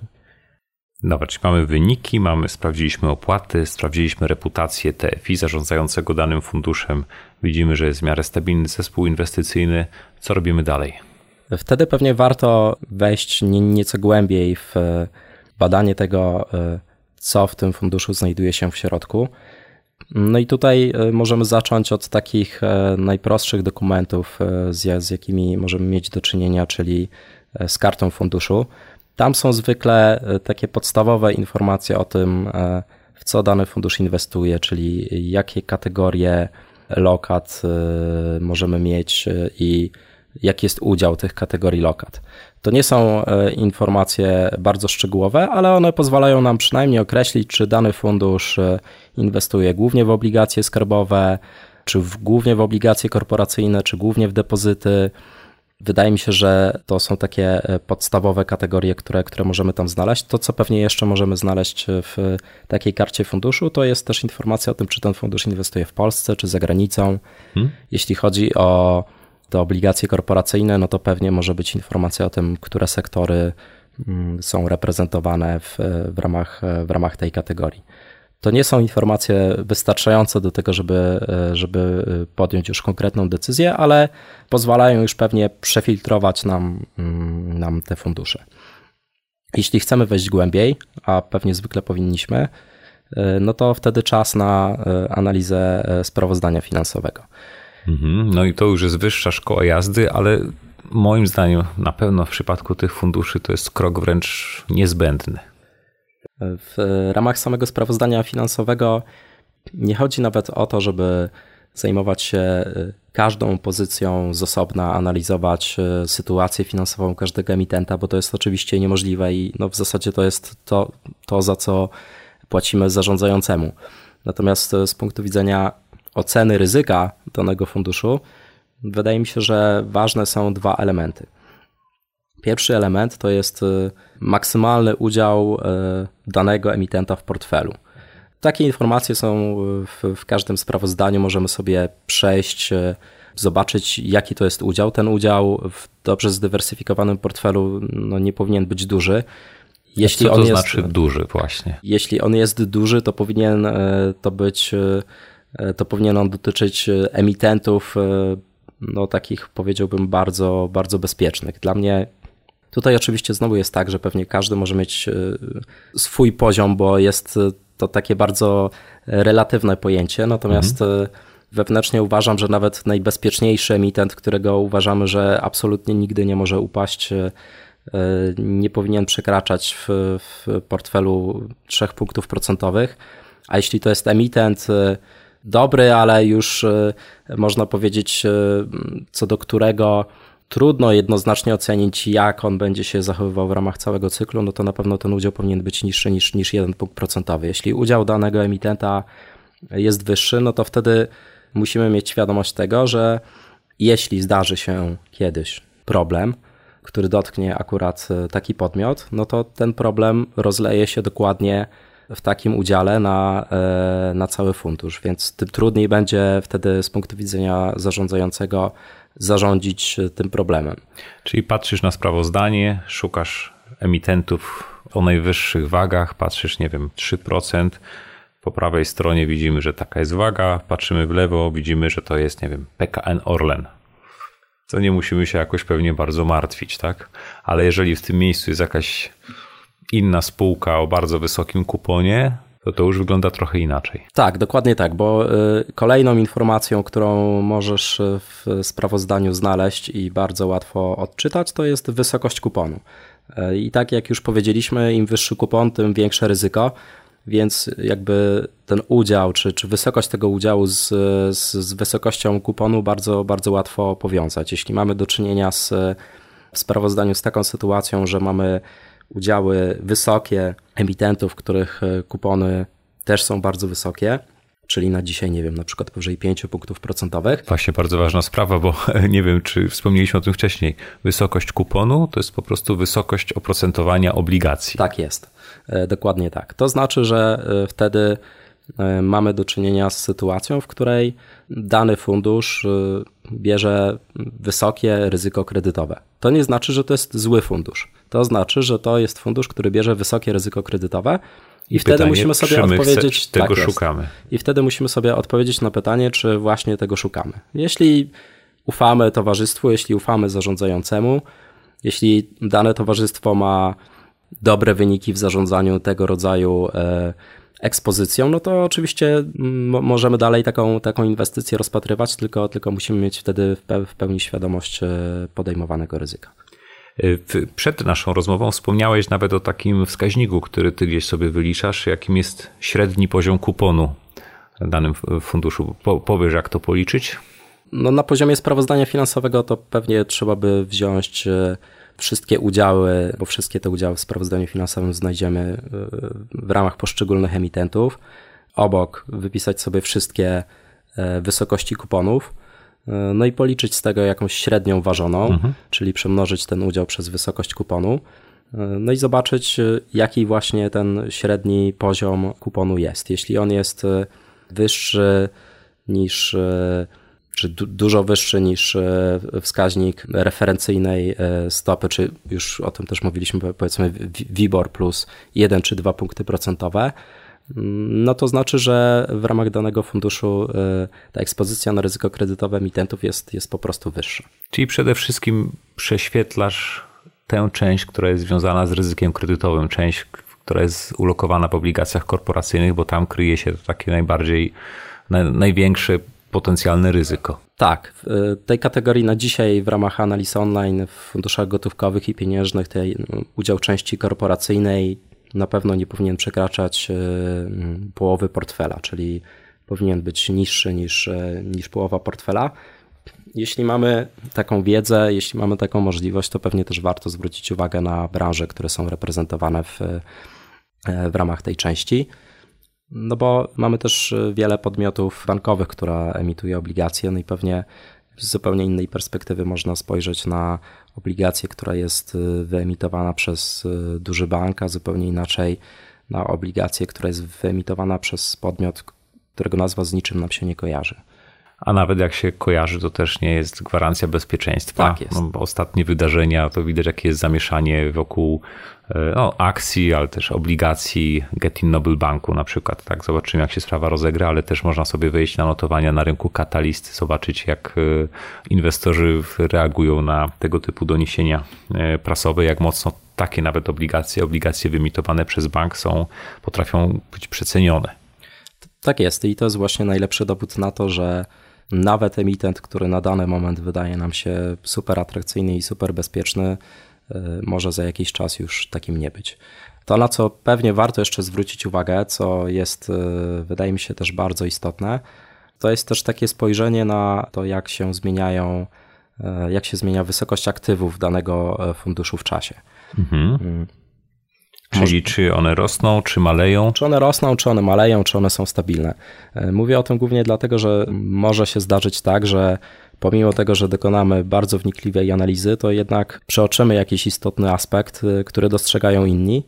No i może się okazać, że na przykład fundusz doświadcza bardzo dużych odpływów. Jeśli fundusz doświadcza bardzo dużych odpływów, e, no to wtedy tej, udział części nie, niepłynnej albo niedostatecznie płynnej y, zaczyna gwałtownie rosnąć. Wtedy oczywiście y, zarządzający tym funduszem stoi przed takim bardzo trudnym wyborem, to znaczy czy sprzedawać aktywa mimo wszystko po, y, po jakiejkolwiek cenie, jaką, jaką na rynku dostrzeże, no, czy też podejmować jakieś, jakieś inne kroki. Więc e, jeśli mamy do czynienia z funduszem, który nagle bardzo gwałtownie zaczyna tracić istotną część swoich aktywów, bo to jest też chyba warte podkreślenia, że e, nie mówimy tutaj o o konkretnej wartości, tylko bardziej bym odnosił tą wielkość aktywów do wielkości aktywów, która, którą fundusz posiadał, nie wiem, na przykład rok wcześniej albo dwa lata wcześniej, tak? Jeśli fundusz stracił 50% swoich aktywów, no to już uważałbym, że jest to bardzo dużo. I to znaczy, że to, co pozostało w portfelu tego funduszu, może być dużo mniej płynne niż było. No a my mamy też e, przed sobą historyczne sprawozdanie tego funduszu, więc e, ta sytuacja mogła się e, diametralnie zmienić. Właśnie w odróżnieniu od historycznego sprawozdania historycznego, czyli pewnie sprzed pół roku, wielkość aktywów to jest y, taka liczba, która jest podawana na bieżąco, więc tutaj mamy. W każdym miesiącu w każdym mamy dostęp, miesiącu do, mamy dostęp informacji. do tej informacji, dokładnie. No super. Jest jeszcze coś, co ty sprawdzasz, analizując takie fundusze?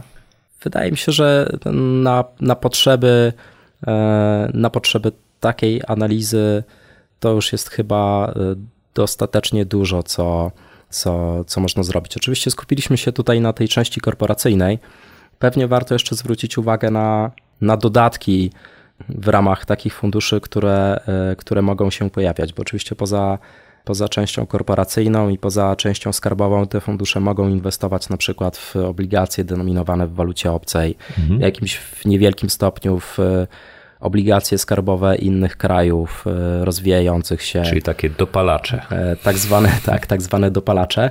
E, które w e, tym tak zwanym wyścigu żółwi w, tym, e, w ramach tej kategorii mogą mieć, mogą mieć istotne znaczenie. To jaki poziom tych dopalaczy uznajesz za akceptowalny? No myślę, że na pewno poniżej 10 mm, punktów procentowych. No dobrze, Paweł, ja tutaj Cię bardzo uważnie słuchałem, notowałem sobie po kolei te wszystkie kryteria, o których mówiłeś. Ty zarządzasz funduszem aksa lokacyjny, no to teraz proponuję, żebyśmy go sobie tak praktycznie przepuścili przez te wszystkie zasieki i kryteria, które stworzyłeś. Czyli wymienię je krótko. E, od razu powiedz mi, czy czegoś nie pominąłem. Wyniki, następnie opłaty, następnie reputacja TFI, następnie stabilność zespołu zarządzającego. Później mówiłeś o tym, żeby popatrzeć na kartę funduszów, co ten fundusz e, może inwestować. Później rzut oka na sprawozdanie i tu patrzymy się na wagi na największych e, emitentów i co za tym idzie po chwilę potem również na średni poziom kuponu i wreszcie na zmiany aktywów i na końcu na dopalacze. Myślę, że lista jest chyba kompletna tych notatek. No to y, dałem Ci laptop, odpalamy sobie fundusz AXA lokacyjny i co widzimy? Punkt pierwszy, wyniki. Czyli tak, punkt pierwszy, wyniki. Y, te wyniki widzimy nawet nie tyle w ramach samego funduszu AXA, zresztą w ramach samego funduszu AXA lokacyjne pewnie też te wyniki w analizach online można sobie, e, można sobie, e, można sobie na nie spojrzeć. No ale co ty wnioskujesz w ogóle patrząc właśnie na tę całą mamy, tabelę w analizach mamy online? Mamy stopy zwrotu i pozycja w grupie. No to jest taka pozycja w ramach tych wszystkich dostępnych tutaj ram czasowych, czyli od jednego miesiąca aż do 36 miesięcy, gdzieś powyżej powyżej średniej, powyżej mediany. To nie jest fundusz, który jest pierwszy, to nie jest fundusz, który jest ostatni. Dzisiaj mamy 10 mm. grudnia 2018 tak. roku. Jak nagrywamy naszą, naszą rozmowę, taki wynik, ja nie widzę teraz mhm. z tym odwróceniem, Paweł siedzi naprzeciwko mnie, ma, ma laptop, więc ja nie, nie, nie widzę tego, co on widzi, więc jesteśmy na stronie analiz online i przeglądamy fundusze z kategorii gotówkowej i pieniężne. Wynik za, za 3 lata, za rok, jak to, jak to wygląda? Czyli tutaj na przykład wynik za 12 miesięcy, stopa zwrotu funduszu to jest 1,66, obok jest średnia 1,16. Czyli mamy za, za jeden rok powyżej, e, powyżej średniej. E, natomiast od razu dodajemy, przeglądamy, bo zawsze domyślnie tak jest ustawione w analizach online, kategorie jednostki A czyli ten, która zwykle jest najdroższa. Pamiętasz, ile wynosi opłata w funduszu aksalokacyjnym w przypadku kategorii A? Tak, w przypadku kategorii A to jest e, opłata e, na poziomie 0,8%. E, Natomiast przy okazji IGZE tam operujecie inne jednostki, to są jednostki kategorii to są jednostki kategorii E. Zresztą w ramach analiz też można sobie wybrać inne kategorie jednostek i w przypadku jednostki kategorii E ta opłata jest na poziomie 0,5%. E, I myślę, że warto też dodać, że przy interpretacji wyników, e, jeżeli mamy tylko informację o jednostce A, ale my tak naprawdę inwestujemy w jednostkę o niższej opłacie za zarządzanie, no to w dużym przybliżeniu możemy sobie spokojnie założyć, że ta jednostka tańsza wypracuje wyższą stopę zwrotu dokładnie o różnicę w opłacie, czy tak, tak. prawie dokładnie o różnicę w opłacie. To dokładnie tak jest, czyli e, w tym przypadku jednostka kategorii A w ostatnich 12 miesiącach e, zarobiła 1,66%, jednostka kategorii E nie mam jej tutaj przed sobą, ale pewnie należałoby założyć, ponieważ jest e, to jednostka tańsza o 0,3% to zarobiłaby 1,96. No dobrze, czyli patrzymy się, akurat badamy ten konkretny fundusz, widzimy, że on jest nieco powyżej średniej, nie odbiega jakoś bardzo ani w górę, ani w dół, czyli trzymamy się tych kryteriów, o których mówiłeś. No to teraz trudne dla Ciebie pytanie, reputacja Towarzystwa Funduszy Inwestycyjnych.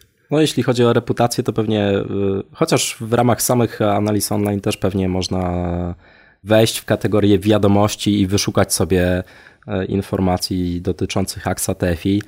Wydaje mi się subiektywnie oczywiście w tym momencie, że nic ciekawego tam e, się nie znajdzie. No i jakby tyle. Można jakby poszukać tych informacji szerzej, szukając też w. Czyli AXA jest jedną z największych grup tak naprawdę finansowych e, na świecie, prawda? No, znana jest w Polsce głównie poprzez biznes ubezpieczeniowy. No ale macie to, co y, mówi się, że to jest takie reputation at stake, tak? Czyli, że gdybyś ty położył reputację AXA na stole i byś jej zaszkodził, chyba miałbyś spore problemy. E, no dokładnie tak to jest. Mówię o tym, bo ja pracowałem przez, przez szereg lat, y, no to się obecnie nazywa NN Investment Partners TFI i tam też po prostu były bardzo duże takie grupowe, globalne ograniczenia, jeżeli chodzi o podejmowanie ryzyka właśnie dlatego, że E, no jak jakiś mały biznes w Polsce zaszkodziłby reputacji całej, całej grupy, to byłby problem. U Was też tak jest? Jak to wygląda? No, można powiedzieć, że, że jest e, podobnie. To znaczy, e, wiadomo, że każda taka duża grupa musi dbać o to, żeby, żeby nie zdarzały się jakieś problemy reputacyjne nawet, nawet na takich rynkach mniejszych, akurat nie mam tu na myśli Polski, ale nawet na takich mniejszych rynkach, no bo dzisiaj dostęp do informacji jest tak, tak prosty i tak szybki, że no jakby wi wiadomo jak to jest. Znaczy na, na reputację, na wiarygodność pracuje się latami i, i dzięki temu też się buduje przewagi konkurencyjne, a jakby zniszczyć reputację jest bardzo łatwo, więc wiadomo, że E, duże grupy muszą dbać o to, żeby, żeby mieć e, kontrolę nad, e, nad, nad działaniami, które, które się podejmuje nawet, nawet lokalnie, żeby, żeby unikać tego rodzaju sytuacji. Czwarty punkt, o którym wspomniałeś, to stabilność zespołu zarządzającego. No w waszym przypadku jak długo ty zarządzasz e, aksą lokacyjnym? E, to jest właśnie e, ciekawa informacja z, z tego punktu widzenia, że w analizach mamy zarówno informację o tym, kiedy fundusz w ogóle został uruchomiony po raz pierwszy, jak i informację o tym, kiedy dany zarządzający dołączył do, do składu zarządzających, jeśli jest więcej niż, niż jedna osoba i, i zarządza danym funduszem. No i akurat w tym przypadku w analizach można się dowiedzieć, że ja zarządzam tym funduszem od samego początku jego istnienia, czyli od lipca 2010 roku. Trochę tak e, sentymentalnie mogę powiedzieć, że e, od samego początku obserwuję, jak ten fundusz się rozwija, rośnie i no i oczywiście to jest też bardzo fajna sprawa, że, że możesz jakby dany fundusz od samego początku budować, budować jego portfel, politykę, no i jakby prowadzić go po swojemu. Czyli odhaczamy ten punkt, 8 lat, zleciało, co? tak, czas szybko leci. Y, idziemy dalej. Wspomniałeś, żeby zajrzeć też do karty funduszu y, i znaleźć tam y, ważne informacje. Jak w tym przypadku byś je interpretował? Mamy tutaj informację, którą zresztą wcześniej można było też znaleźć o poziomie ryzyka. Poziom ryzyka od 1 do 7 w tej kategorii nie powinien przekraczać pewnie 2, czyli e, on świadczy o tym, czy jednostka danego funduszu się charakteryzuje dużą czy małą zmiennością. W przypadku tego funduszu to jest 1, czyli najniższa E, najniższa z możliwych kategorii. Przy czym tutaj myślę, warto zrobić to zastrzeżenie, że często ta zmienność, bo tutaj e, jest zaniżona, prawda, w funduszach e, z tej kategorii, tak, o tym rozmawialiśmy. Tak, dokładnie tak. Oczywiście zmienność nie powinna być z naszego punktu widzenia krytycznym wskaźnikiem, bo oczywiście jeśli fundusz inwestuje w coś, co nie jest wyceniane przez rynek, no to wtedy tej zmienności też nie będzie, więc żeby, e, żeby uniknąć tego rodzaju ryzyka, to oczywiście to nie jest jedyna wartość, na którą, na którą warto spojrzeć. Warto pewnie spojrzeć na to, e, jaki poziom aktywów e, w danym funduszu występuje. Akurat w przypadku tego funduszu lokacyjny na dzień 31 października 2018 roku to było 356 milionów złotych. A jak to, żeby Wymieniłeś to w ostatnim punkcie, a skoro o aktywach wspomniałeś, to dopytam, jak ten poziom aktywów kształtował się w czasie? Akurat tutaj nie można znaleźć e, tej informacji. No nie w karcie, więc... ale czy pamiętasz ty, prawda? Już, już nie będzie cię tam męczył i kazał sięgać do źródeł. Do... Szczerze, szczerze powiedziawszy, nie, nie pamiętam, jak, e, e, jaka była dokładnie wartość aktywów rok temu. Pewnie, skoro nie pamiętam, to ona się jakoś e, drastycznie nie zmieniała, bo to znaczy, że po prostu fundusz prowadzi swoją normalną politykę e, bez konieczności ani nadmiernych nabyć, ani, ani, ani nadmiernych umorzeń. Co jeszcze w takim razie wyczytujesz z tej karty funduszu? E, no mamy tutaj informacje o strukturze aktywów. Ta struktura aktywów pokazuje nam, że mamy 60% skarbowych instrumentów dłużnych, 30% innych instrumentów dłużnych, które trzeba czytać jako obligacje korporacyjne, 3% certyfikatów depozytowych i 4% gotówki, czyli depozytów. Mhm. I co na tym etapie coś jeszcze sprawdzasz w karcie funduszu? Wydaje mi się, Czy czytasz że... ją od dechy do dechy? Jak to wygląda u ciebie? E, wydaje mi się, że to, na co pewnie warto jeszcze zwrócić uwagę, akurat o tym nie mówiliśmy wcześniej, to z punktu widzenia inwestorów może nigdy nie jest e, jakoś szczególnie istotne, a jest zwykle istotne z punktu widzenia zarządzających, e, to są wyniki do benchmarku. Do benchmarku, czyli do takiego wskaźnika referencyjnego, który daje nam trochę obraz tego, jaką politykę inwestycyjną dany fundusz prowadzi. Jeśli fundusz nie ma benchmarku, no to tej informacji nie mamy. E, no ale jeśli ma benchmark, to zwykle należa, należałoby oczekiwać, że ta polityka inwestycyjna no, będzie do tego benchmarku zbliżona. Oczywiście zarządzający ma zawsze za zadanie ten benchmark pobić, ale też nigdy nie należy oczekiwać, żeby te odchylenia od, od benchmarku były jakieś, e, były jakieś e, bardzo duże. To co jest tutaj benchmarkiem? E, tutaj benchmarkiem w 100% jest 3-miesięczny VBIT, który jest pomniejszany o opłatę za zarządzanie, głównie z tego względu, żeby tak na czysto pokazać, czy zarządzający w ramach, e, na poziomie portfela ten benchmark e, bije, czy, e, czy nie. Czy, czy dany portfel po prostu jest lepszy od, od takiego wskaźnika referencyjnego. No i tutaj akurat na dole też mamy informację o tym, że jak już mówiliśmy o tych 12 miesiącach, no to w ramach tych 12 miesięcy Tutaj akurat mamy informacje na inny dzień, więc one trochę nie będą spójne z tym, o czym mówiliśmy wcześniej, bo informacje są na koniec października, ale to tu mamy informację, że na koniec października benchmark w ramach tego dla tego funduszu zarobił 0,7%. Mhm.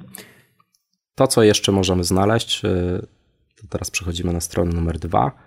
To jest informacja o alokacji walutowej, czyli dowiadujemy się, czy fundusz inwestuje w jakieś e, instrumenty notowane w innej walucie niż e, polski złoty. No i mamy tutaj informację o tym, że blisko 96% aktywów jest denominowana w złotym, a 4% w euro. Okej, okay, a mm, patrzę teraz na tę naszą listę. Po przejrzeniu karty funduszu, czas na sprawozdanie finansowe. Otwieramy sprawozdanie. Ja tutaj zawsze skroluję do tabeli, która pokazuje e, skład portfela. Widzę, że ty również i co z tego sprawozdania możemy w przypadku aksa lokacyjnego wyczytać? E, w przypadku tego funduszu możemy wyczytać e, pewnie po sumowaniu tych pozycji bardziej dokładnie, że inwestuje on, jeśli chodzi o tą część skarbową w obligacje o zmiennym kuponie. Tą informację mamy w kolumnie, która mm, ma tutaj tytuł Warunki oprocentowania. Warunki oprocentowania pokazują poziom kuponu oraz informację tego, czy jest to kupon stały czy zmienny. Tak jak mówiliśmy wcześniej, tego rodzaju fundusze często inwestują w zmienny kupon, którego wartość e, zmienia się raz na 6 miesięcy i zwykle odzwierciedla bieżący poziom stopy procentowej. I to są wszystkie obligacje skarbowe, tak zwane obligacje e, WZ e, o różnych terminach zapadalności. Mamy w portfelu także obligacje skarbowe stałokuponowe, na przykład obligacja PS 0421 o kuponie 2%, terminie zapadalności w kwietniu 2021 roku. Czyli bardzo dokładnie możemy sobie zobaczyć skład całego portfela, zobaczyć ile ważą największe pozycje i co to jest. No i w tym przypadku to są przede wszystkim obligacje skarbowe. E, tak jest. Oraz mamy y, informacje o wszystkich emitentach korporacyjnych, których e, obligacje znajdują się w portfelu.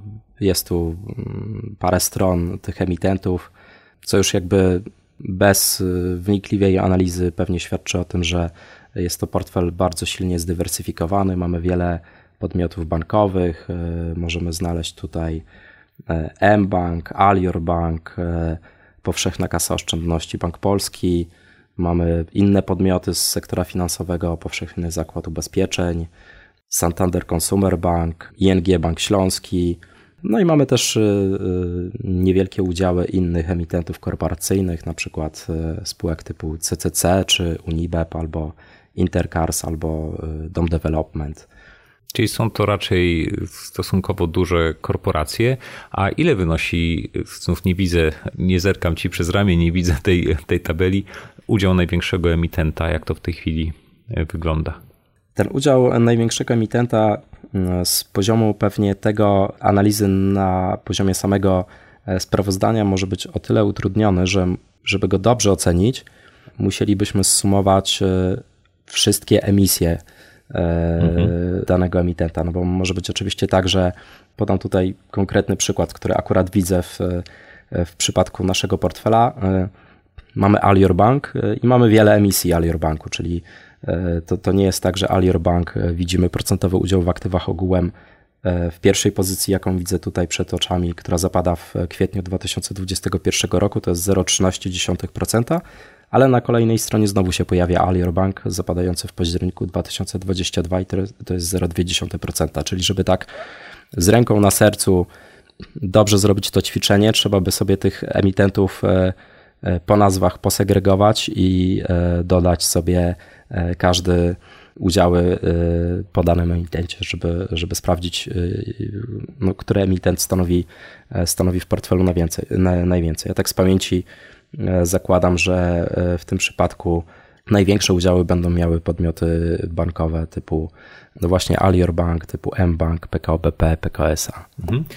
No i tak to właśnie krok po kroku wygląda. Najlepiej sobie to wrzucić do Excela, bo to pomoże Wam i zarówno te udziały zsumować i podliczyć, ale także policzyć to, o czym mówiłeś o średnim poziomie kuponu na portfelu funduszu. Nie wiem, czy pamiętasz w tej chwili, jak to wygląda u Was, bo nie będziemy już tego liczyć. Szczerze powiedziawszy, nie pamiętam. E, myślę, że tak e, patrząc po tych kuponach, to e, nie spodziewałbym się, żeby, żeby on przekraczał 3 punkty procentowe. I tak właśnie krok po kroku można analizować e, każdy fundusz, więc e, Paweł już, żeby e, trochę cię tutaj, wiesz, prze, prze, przeegzaminowałem, na ile, wiesz, ta teoria, o której mówiłeś, zgadza się z praktyką, jak to krok po kroku można zrobić, no ale rzeczywiście jest to chyba taki najbardziej rozsądny sposób podejścia, jak w oparciu o te informacje, które są publicznie dostępne, można sobie rzetelnie przeanalizować dany fundusz. E, to jak moglibyśmy to podsumować? Pewnie no, ciężko, bardzo ciężko będzie ci oderwać od tego, że ty tym funduszem e, zarządzasz, ale e, jakie z tego płyną wnioski? Dla kogo to jest fundusz? Jak interpretować ten, to, to, jego ryzyko? Czego można się po nim spodziewać? Gdybyś mógł już to tak powiedzieć, taką, wiesz, swoją opinię w oparciu o te wszystkie rzeczy, o których rozmawialiśmy. To będzie taki fundusz, który buduje wartość dodaną przez to, że y, posiada ekspozycję na ryzyko kredytowe, mniej więcej pewnie w jednej trzeciej portfela. To ryzyko kredytowe jest y, budowane w y, no, taki bardzo konserwatywny sposób, czyli jest to bardzo duży udział emitentów bankowych, dużych banków albo innych emitentów z sektora finansowego z małymi udziałami innych emitentów. E, Jest tam Getin Bank i Idea Bank? Nie, nie ma, tam, nie ma tam Getin Banku ani Idei. Co jeszcze ciekawego można powiedzieć? No, można tu znaleźć poza obligacjami zmiennokuponowymi, które zwykle się znajdują w tego rodzaju e, funduszach, także obligacje stałokuponowe. E, no i to, co mogę powiedzieć jako zarządzający tym funduszem, to jest fakt, że ten udział obligacji akurat w naszym przypadku on się istotnie zmienia, czyli w ramach tego dopuszczalnego przedziału wrażliwości na zmiany stóp procentowych, o której mówiliśmy na początku, pomiędzy 0 a 1, my się faktycznie staramy bardzo aktywnie do tego e, podchodzić, czyli jeśli uważamy, że będą stopy procentowe rosnąć, to, e, to wtedy ta wrażliwość jest bardzo mała, a jak uważamy, że stopy procentowe będą spadać albo rentowności obligacji będą spadać, to wtedy ta wrażliwość na zmiany stopy procentowej w ramach tego funduszu i w ramach dopuszczalnego przedziału jest, jest większa bo też y, y, no, trudno znaleźć jakby inne elementy, którymi e, fundusze w tej kategorii miałyby się szczególnie e, wyróżniać. Zadaniem tego rodzaju funduszu, tak jak e, powiedziałem na początku, jest, jest walka o taką stopę zwrotu, która będzie konkurencyjna do oprocentowania konta oszczędnościowego w banku. Myślę, że warto przy tego typu funduszach też zwrócić uwagę na to, że no, kiedy przenosimy pieniądze z depozytu na depozyt, każdorazowo płacimy też podatek belki, czyli jedną piątą wypracowanych zysków natychmiast oddajemy. Natomiast kiedy te pieniądze leżą w funduszu, no to nawet jeżeli ten wynik jest nieznacznie niższy, to jednak podatek jest odroczony. Cały czas cała kwota, dopóki z tego funduszu nie wyjdziemy, pracuje. A jeśli robimy to w ramach IGZE, no to tak naprawdę no jeśli robimy to w ramach X, to mamy mm, dodatkowy bonus w postaci, e, w postaci tej niższej opłaty za zarządzanie, czyli e, rocznie daje nam to 0,3%, co jak już sobie powiedzieliśmy w przypadku funduszy tych najbezpieczniejszych, to już jest bardzo dużo. I to już de facto sprawia, że ten fundusz e, wtedy naprawdę jego stopa zwrotu wygląda bardzo konkurencyjnie w stosunku do takich, do takich bezpiecznych inwestycji. A jeśli robimy to w, na, na czystych jednostkach funduszu, no to jakby zaletą też jest zawsze to w porównaniu na przykład do lokaty bankowej, że tu dostępność tych środków e, e, jest e, no, praktycznie natychmiastowa, czyli od umorzenia po dwóch dniach mamy już też środki. Tak, czasami w przypadku lokat bankowych wysoko oprocentowanych nie zawsze to oprocentowanie jest gwarantowane w momencie, jak zdecydujemy się na zerwanie lokaty. Czyli jak możemy opisać ryzyko płynności tego funduszu? No, ja osobiście zakładam, że to ryzyko jest bardzo niskie. Oczywiście tutaj zawsze mogą się pojawić zarzuty tego rodzaju, że Nie mówimy, że nie ma ryzyka płynności, że ten fundusz jest super płynny. Nigdy nie możemy tak powiedzieć, no bo tak jak też wspomnieliśmy, nigdy nie wiemy, co się, co się wydarzy w przyszłości. To ryzyko zawsze jakieś jest, tak? Mhm. E, bardziej odnosimy je do, do jakiegoś relatywnego poziomu, no bo fundusz e, charakteryzuje się tym, że inwestuje zawsze w jakieś aktywa. Akurat w tym przypadku w aktywa bardzo płynne, w obligacje skarbowe w dużej mierze. No ale musielibyśmy założyć, że zawsze w każdych warunkach e, rynek obligacji skarbowych będzie super płynny i znajdzie się druga strona, która będzie chciała od nas te obligacje odkupić. W przypadku tego rodzaju funduszy to, co jest jeszcze istotne i co powinno podnosić komfort y, inwestorów, to jest też fakt, że duża część z tych inwestycji to nie są obligacje, to, to nie są inwestycje na bardzo długi termin, więc to jest tak, że jak, jak nie ma drugiej strony na rynku, no to i tak po pewnym czasie po prostu ten instrument zapada, emitent spłaca, czy spłaca swoje zobowiązania, czy to jest emitent korporacyjny, czy to jest emitent skarbowy. No i wtedy te środki y, jakby w 100% są dostępne, no bo mm, tak też trochę działają obligacje, tak? To znaczy, jeśli tylko emitent jest wypłacalny, to my dzisiaj wiemy dokładnie, kiedy dostaniemy y, ten kupon oraz y, kiedy mm, zostanie nam zwrócona cała kwota, którą danemu emitentowi pożyczyliśmy. Dla kogo tego typu fundusz może stanowić dobrą inwestycję? E, wydaje mi się, że dla wszystkich, którzy zaczynają swoją przygodę z z rynkiem funduszy.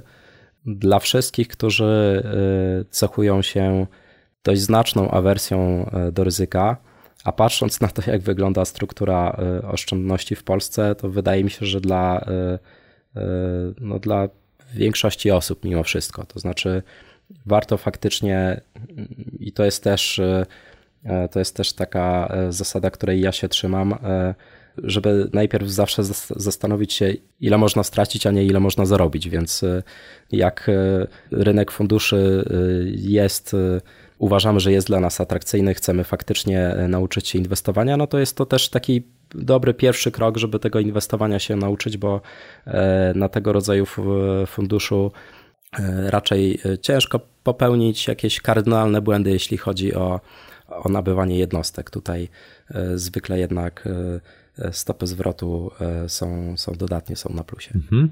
Super, bardzo Ci dziękuję Paweł za to, za to podsumowanie.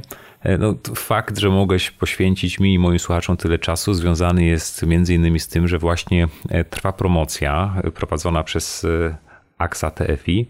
Jest to promocja produktu, którym jest IGZE w AXA TFI, czyli możliwość inwestowania już w 16 w tej chwili e, funduszy dostępnych w ramach Waszej oferty z opłatą za zarządzanie obniżoną tak przeciętnie o 50%. Ale ta obniżka opłaty to nie wszystko, bo również trwa w tej chwili do końca grudnia jeszcze specjalna akcja promocyjna 200 zł za 2000. Możesz powiedzieć, e, na czym ona polega? E, tak, 200 zł za 2000 polega na tym, że w przypadku nowych klientów X, którzy zdecydują się na swoją przygodę z oszczędzaniem na emeryturę e, razem z nami. Oferujemy wypłatę 200 zł w takim charakterze, w którym najpierw e, nasz klient wpłaca 2000 na dowolnie wybrany przez siebie fundusz. Czyli również w aksa lokacyjny. Czyli również w aksa lokacyjny, a potem my e, wypłacamy w to 200 zł w formie jednostek uczestnictwa tego samego funduszu czyli otwieramy rejestr klientowi na rejestr podstawowy e, w, w, ramach, e, w ramach kategorii funduszu, który, który sobie wybierze, e, w taki sposób, że na początku, dzisiaj mamy 2018 rok, tak? czyli jeśli ktoś dzisiaj wpłaci do końca pierwszego kwartału 2019 wypłacimy pierwsze 100 zł w w jednostkach tego funduszu do końca pierwszego kwartału 2020 drugie 100 zł dla tych, którzy pozostaną z nami do, do tego czasu. I to 100 zł można oczywiście od razu umorzyć i sobie wypłacić. Można je zostawić w jednostkach tego funduszu. Można też sobie przekonwertować na inny fundusz z naszej oferty. No, de facto już wtedy można, można zrobić z tymi pieniędzmi, co, co się ma ochotę. Postanowiliśmy, żeby były to jednostki uczestnictwa, no bo chcieliśmy dać trochę, raz, że chcieliśmy dać coś od siebie, czyli e, uznaliśmy, że skoro ktoś e, e, chce z nami oszczędzać, to dajemy mu jeszcze ten dodatkowy bonus, jakby w tej samej formie, w innym produkcie, takim podstawowym, w którym jeśli oczywiście chce, może sobie to 200 zł wypłacić od razu, a jeśli nie, no to może też jakby uczyć się inwestowania, uczyć się naszych produktów i, i być może no, postanowi też jakby tą przygodę z nami rozszerzyć właśnie na, na inne produkty. Super, Paweł. To już zupełnie na zakończenie jeszcze prośba o kilka zdań e, do, do głównego ekonomisty. E, twoja osobista opinia na temat tego, co dzieje się obecnie, 10 grudnia 2018 roku, w gospodarkach, na rynkach finansowych. Czy jesteś optymistą, czy pesymistą? No, ten rok jest e, dość specyficzny i bardzo trudny z punktu widzenia rynków finansowych, bo no bo już naprawdę od niepamiętnych czasów nie było takiego okresu, w którym no, większość kategorii instrumentów finansowych nie, nie była na plusie. Akurat z punktu widzenia polskiego inwestora e, jest to tyle dobrze, że akurat polskie obligacje skarbowe zachowywały się całkiem w porządku, więc zarówno te fundusze gotówkowe i pieniężne, jak i fundusze obligacji, polskich obligacji skarbowych e, e, w tym roku mają, mają dodatnie stopy zwrotu, no ale jednak rynki cierpią w dużej mierze moim zdaniem przez e, zmianę, która, która dotyka no, największych banków centralnych. E, banki centralne powoli wycofują się z, z, z drukowania pieniądza. Ta masa pieniądza pozwalała wszystkim klasom aktywów rosnąć, nawet w sytuacji, w którym wzrost gospodarczy nie był jakiś szczególnie wysoki, jak to miało miejsce w ostatnich latach. No a teraz po prostu tego pieniądza przynajmniej rynki finansowe antycypują, że będzie mniej. Czy, czy będzie mniej, no to, to się okaże i trochę to tak jest, że to znowu prawdopodobnie banki centralne zdecydują o tym, czy inwestorzy na rynkach finansowych będą, będą się cieszyć, czy nie, no bo już, y, już dzisiaj wiadomo, że część inwestorów zakłada, że, że Fed wycofa się z podwyżek stóp procentowych w przyszłym roku, że być może EBC nie zakończy tak, tak szybko, jak, jak mówiło programu luzowania ilościowego. No ale to też jakby jako całość to też za dobrze nie świadczy o kondycji gospodarki globalnej jako, jako całości, no bo jeśli tak jest, że e, ta gospodarka cały czas potrzebuje kroplówki, no to, e, to jakby to nie jest, e, to nie jest najlepszy, najlepszy sygnał. Na pewno z punktu widzenia naszej lokalnej polskiej gospodarki, ten rok był, e, był bardzo dobry, bo, e, bo wzrost gospodarczy był bardzo wysoki, ale też jakby trudno oczekiwać, patrząc na to, co się dzieje e, na świecie i to w jakim miejscu jesteśmy dzisiaj tutaj lokalnie, żeby wzrost na tym poziomie był do utrzymania w kolejnych latach. A zatem na świecie wszystko w rękach banków centralnych. Miejmy nadzieję, że będzie dobrze, ale twój prywatny portfel to masz teraz tak bardziej defensywny czy ofensywny? E, ja nie lubię odpowiadać na to pytanie głównie dlatego, że mm, tego rodzaju odpowiedź e, sugeruje, że ten portfel będzie tak wyglądał za miesiąc, dwa albo za, e, albo za, za rok, a, a to tak nie jest, bo ja mam oczywiście część portfela, którą próbuję dynamicznie zmieniać w, w ramach tego, co, co mi się wydaje, że że się na świecie wydarzy. E, to, co dzisiaj jest istotne, i może odpowiem na to pytanie nieco inaczej niż, niż może byś się spodziewał, to mam mój portfel w 100% w instrumentach albo inwestycjach płynnych, bo wydaje mi się, że to jest dzisiaj krytyczne. E, żeby niezależnie od tego, jaka klasa aktywów by to była, to mimo wszystko, żeby była to klasa aktywów, którą z której jestem w stanie wyjść w przeciągu paru dni. Super, dziękuję serdecznie za rozmowę i za spotkanie. Moim gościem był Paweł Mizerski, dyrektor Departamentu Zarządzania Aktywami, wiceprezes zarządu, główny ekonomista grupy AXA w Polsce. Pawle, serdeczne dzięki. Dziękuję bardzo.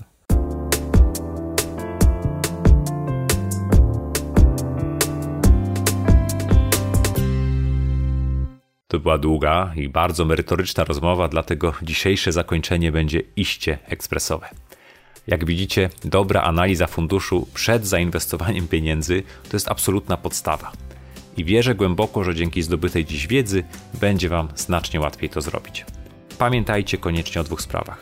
Po pierwsze, pobierzcie sobie z bloga checklistę opisującą kryteria i pomagającą w świadomym analizowaniu funduszy. I po drugie, wykorzystajcie również możliwość zadawania pytań mojemu gościowi, które pomogą Wam jeszcze lepiej zrozumieć zasady inwestowania. To tyle na dziś. Dziękuję Wam serdecznie za wspólnie spędzony czas i z całej siły trzymam kciuki za Wasze dobre, świadome i zyskowne decyzje inwestycyjne. Wszystkiego dobrego. Trzymajcie się. Cześć.